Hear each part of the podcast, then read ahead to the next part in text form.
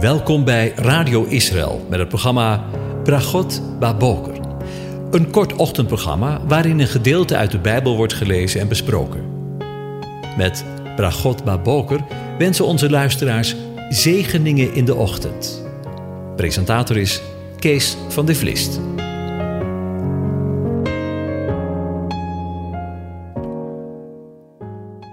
Goedemorgen luisteraars. Vanmorgen gaan we weer verder met de behandeling van Psalm 8. Ik lees het aan je voor. De majesteit van de Heere.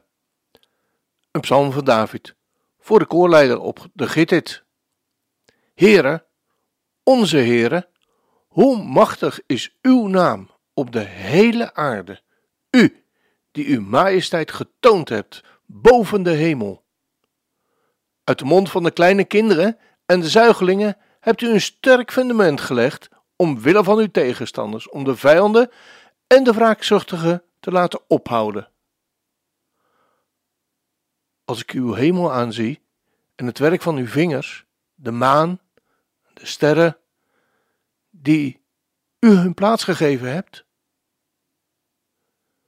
wat is dan de sterveling dat u aan hem denkt, en de mensenzoon dat u naar hem omziet? Toch hebt u hem een weinig minder gemaakt dan de engelen en hebt hem met eer en glorie gekroond.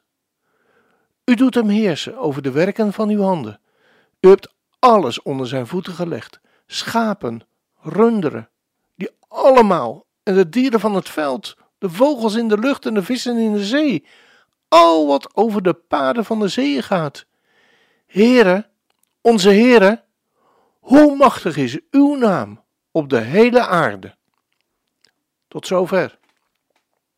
De volgende keer hebben we stilgestaan bij de mensenzoon, waarvan we zowel in deze psalm, maar ook in het Tweede Testament lezen.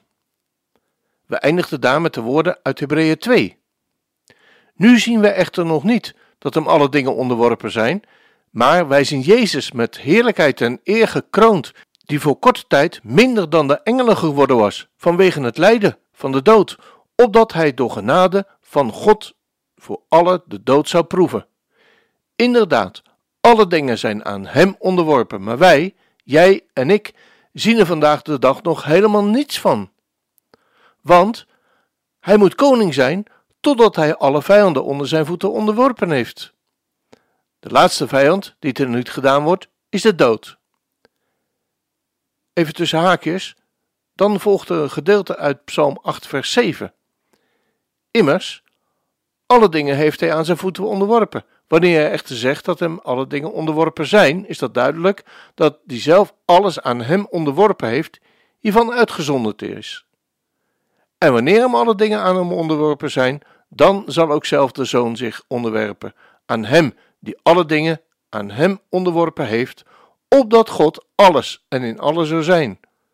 Dat lezen we in 1 Korinthe 15 vers 27. En in 1 Feze 1, vers 22, lezen we dezelfde aanhaling uit Psalm 8.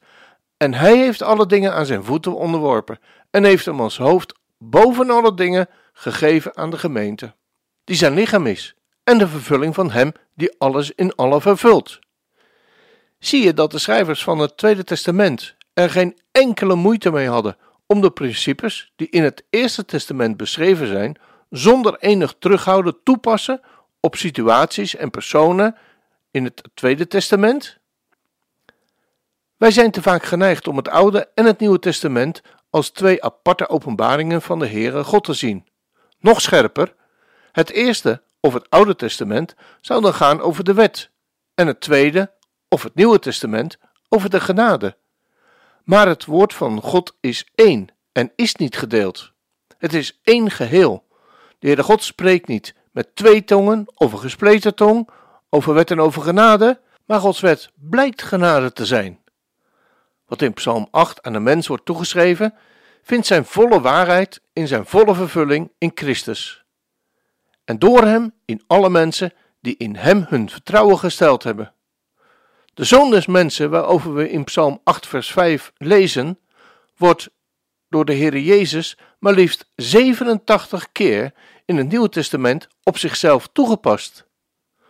De Zoon des Mensen is de hoogste titel die een mens kan ontvangen en er is van toepassing op de Heer Jezus Christus. Deze titel wijst op het feit dat hij de erfgenaam van Adam is. Hij wordt de laatste Adam genoemd.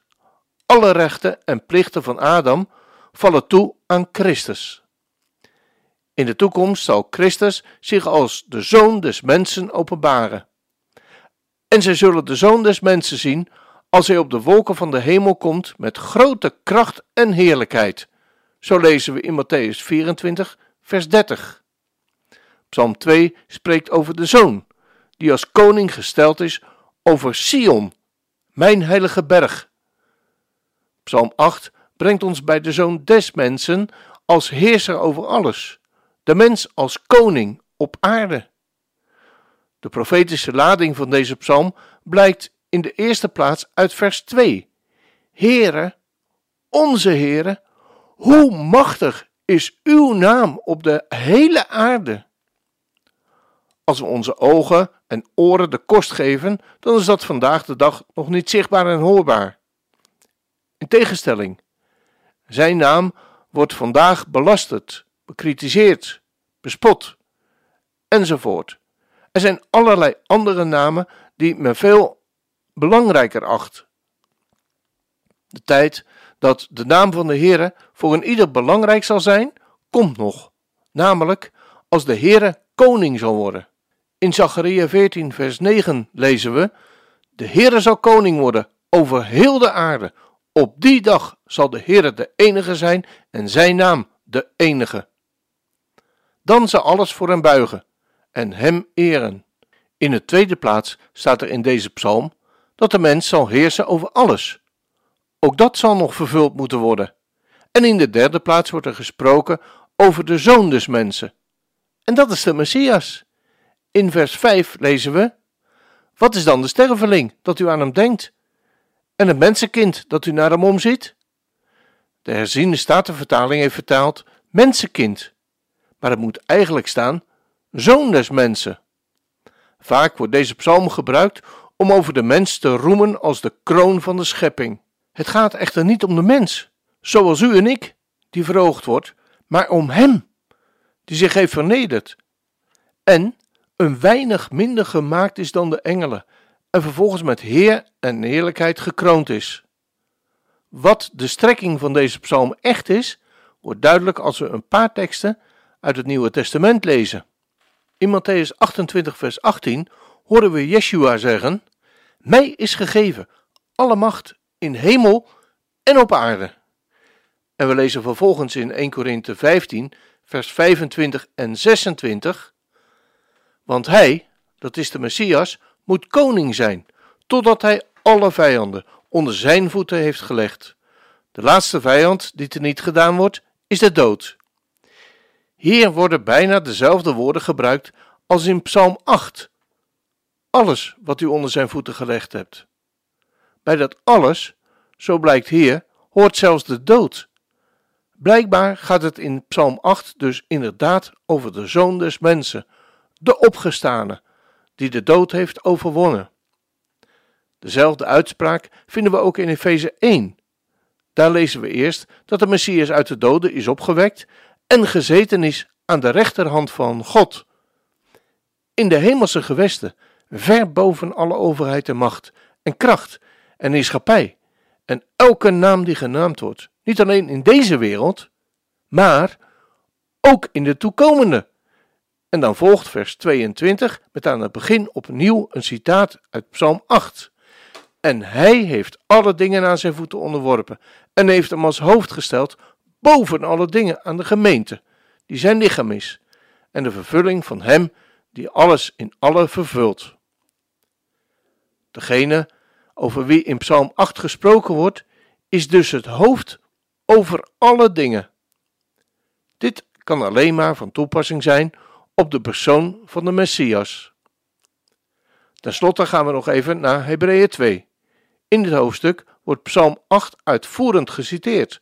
Luister maar, want hij heeft de komende wereld, waarover wij spreken, niet onderworpen aan de engelen, maar iemand, dat is David, heeft ergens en dat is Psalm 8, getuigt: Wat is de mens? Dat u aan hem denkt, of de mensenzoon, dat u naar hem omziet. U hebt hem voor een korte tijd minder gemaakt dan de engelen. Met eer en heerlijkheid hebt u hem gekroond. U hebt hem gesteld over de werken van uw handen. Alle dingen hebt u onder zijn voeten onderworpen. Het blijkt opnieuw dat deze psalm profetisch spreekt over Yeshua, als het gaat om de mens Jezus Christus, die voor een korte tijd en een weinig tijd minder was dan de engelen.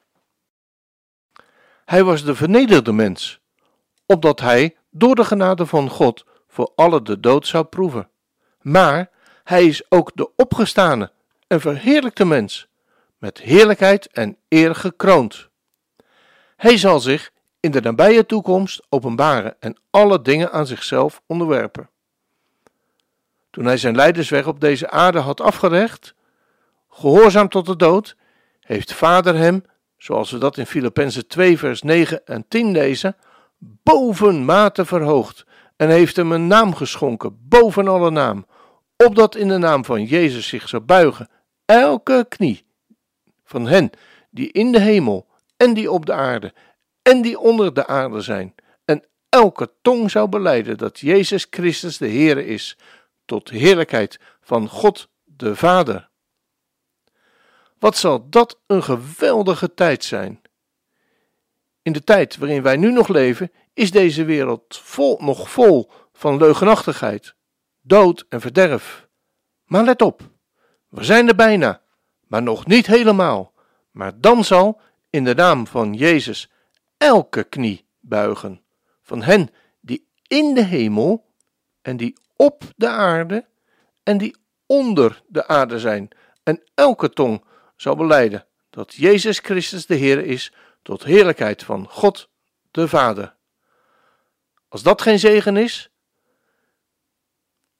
wie is als Hij, de leeuw, maar ook het lam, gezeten op de troon, bergen buigen neer en de zee verheft haar stem voor de Allerhoogste Heer.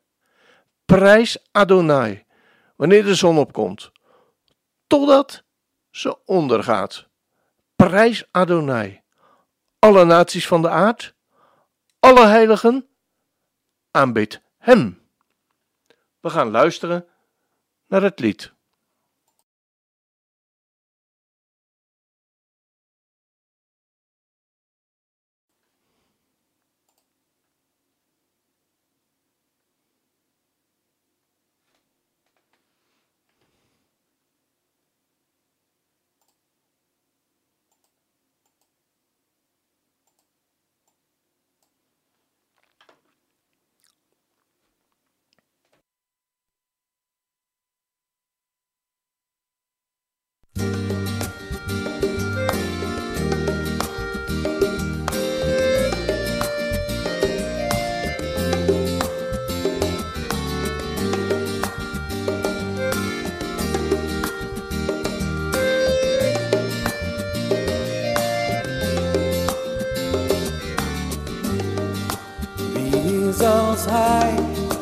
Leeuw maar ook het lam, gezeten op de troon.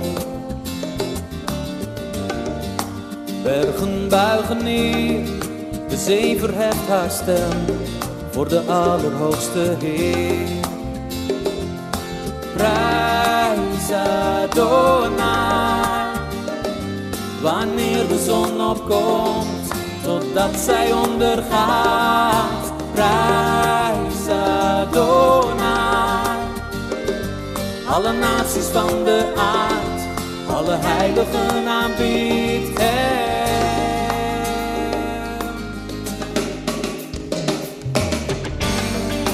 Wie is als hij, de leeuw maar ook het lam, gezeten op de troon.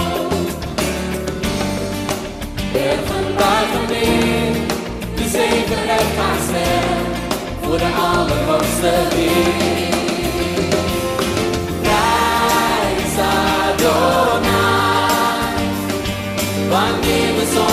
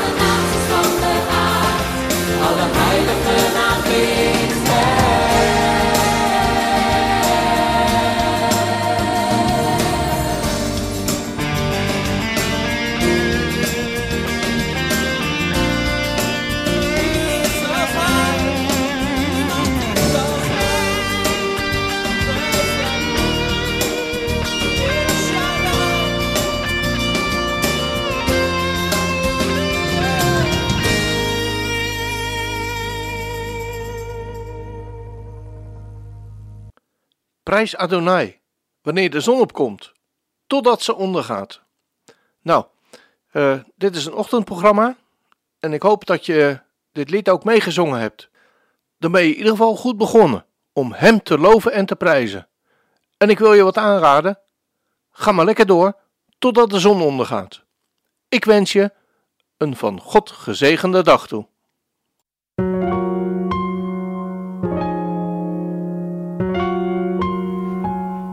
U hebt geluisterd naar het programma Bragot Baboker. Een kort ochtendprogramma waarin een gedeelte uit de Bijbel wordt gelezen en besproken. Wilt u het programma nog eens naluisteren, dan kan dat. Ga naar radioisrael.nl en klik onder het kopje radio op Uitzending gemist.